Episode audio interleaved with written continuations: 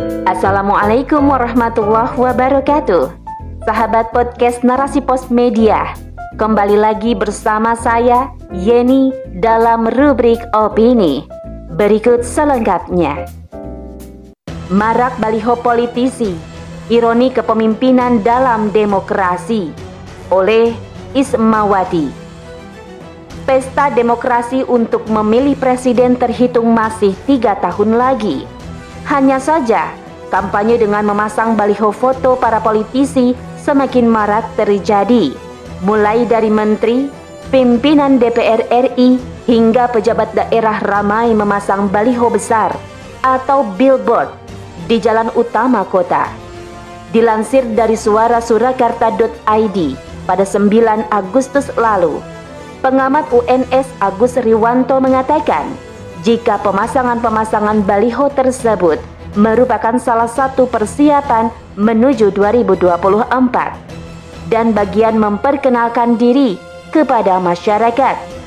Selain itu, Agus mengatakan bahwa ini bagian dari curi start untuk penguatan publik supaya ingatan publik panjang terhadap para politisi ini. Sungguh ironis, di tengah kondisi masyarakat yang dilanda pandemi, kini para politisi lebih berpikir bertarung memperebutkan kursi RI 1 dibandingkan dengan aksi nyata melawan pandemi. Meskipun tak secara langsung di dalam baliho tersebut para politisi memperkenalkan diri sebagai calon presiden atau wakil presiden 2024. Namun, Tandanya cukup jelas karena ada tanda tulisan 2024 yang terpampang di baliho tersebut.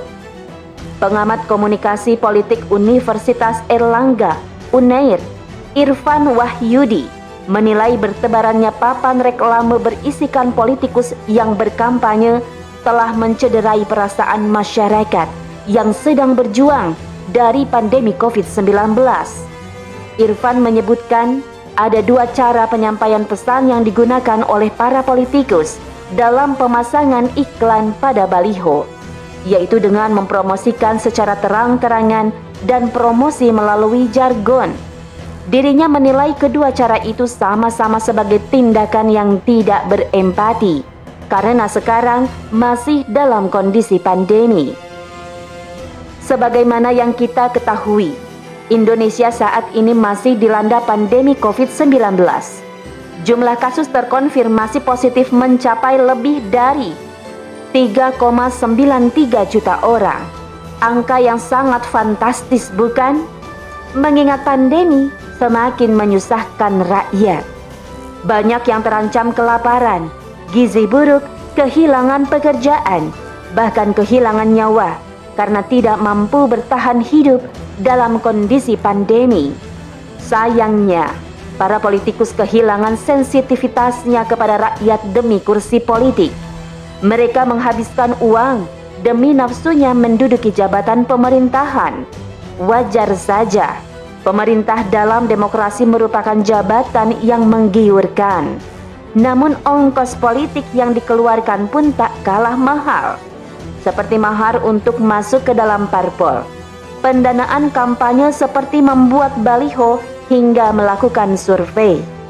Sebagaimana dilansir dari Detik News pada 6 Agustus lalu, baliho elit partai yang ada di kawasan Lingkar Selatan, Kota Bandung, harga untuk memasang baliho ukuran 4 x 8 meter satu tahun sekitar 180 juta rupiah hingga 200 juta rupiah. Itu lengkap dengan penerangan, izin, dan juga pajak selama satu tahun. Jika untuk satu bulan sekitar 15 hingga 20 juta rupiah. Sungguh angka yang fantastis bukan? Jika dilihat dari kacamata rakyat yang saat ini sedang membutuhkan bantuan untuk dapat bertahan hidup dalam kondisi pandemi. Sejatinya Islam memandang bahwa sebuah kepemimpinan adalah amanah yang berat karena menyangkut hajat hidup orang banyak. Pemimpin dalam Islam adalah sosok pemimpin yang takut terhadap hukum Allah Subhanahu wa taala. Pernah mendengarkah kisah kepemimpinan Khalifah Umar bin Khattab yang takut dimintai pertanggungjawaban akan seekor keledai yang terperosok di jalan berlubang di kota Baghdad. Seperti itulah sejatinya amanah besar kepemimpinan harus disertai dengan rasa tanggung jawab. Terlebih, para pemimpin di dalam Islam membekali dengan keimanan dan ketakwaan, sehingga bekal ini yang akan membawa mereka takut akan azab Allah Subhanahu wa Ta'ala apabila melalaikan tanggung jawabnya. Sebagaimana sabda Nabi Shallallahu Alaihi Wasallam, siapa pun yang mengepalai salah satu urusan kaum Muslim dan tetap menjauhkan diri dari mereka dan tidak membayar dengan perhatian pada kebutuhan dan kemiskinan mereka, Allah akan tetap jauh dari dirinya pada hari kiamat. Hadis riwayat Abu Dawud, Ibnu Majah, Al-Hakim. Maka, seorang pemimpin dalam khilafah sangat berhati-hati dalam kepemimpinannya. Mereka adalah orang-orang yang senantiasa menerapkan hukum Allah Subhanahu wa taala. Dari segala ini, Rasulullah Shallallahu alaihi wasallam bersabda, "Jabatan atau kedudukan pada permulaannya penyesalan, pada pertengahannya kesengsaraan, dan pada akhirnya azab pada hari kiamat. Hadis riwayat At-Tabrani. Sejatinya sistem yang baik pasti akan melahirkan kepemimpinan yang baik. Pun sebaliknya, sistem yang buruk akan melahirkan pemimpin yang buruk pula. Maka, hanya sistem Islam yang akan menghasilkan sosok pemimpin dambaan umat pemimpin yang akan mementingkan rakyatnya dan tidak haus kekuasaan untuk meraih materi semata. Sebab ongkos memilih pemimpin dalam Islam tidak berbiaya mahal.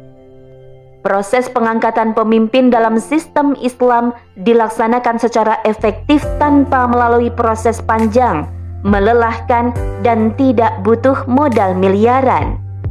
Sebagaimana dahulu ketika Rasulullah Shallallahu Alaihi Wasallam mengangkat Muaz bin Jabal menjadi wali, setingkat gubernur di wilayah Janat. Ziyad bin Walid di wilayah Hadramaut dan Abu Musa al-Ashari di wilayah Zabid dan Aden. Para pemimpin terpilih haruslah berdasarkan kemampuan mereka dalam mengurus rakyat. Sebab rakyat harus dilindungi dari ancaman kelaparan, kemiskinan, termasuk bahaya adanya virus COVID-19 yang penularannya begitu cepat hari ini. Sungguh pandemi ini butuh solusi pasti karena rakyat sudah lelah hidup dalam kesengsaraan.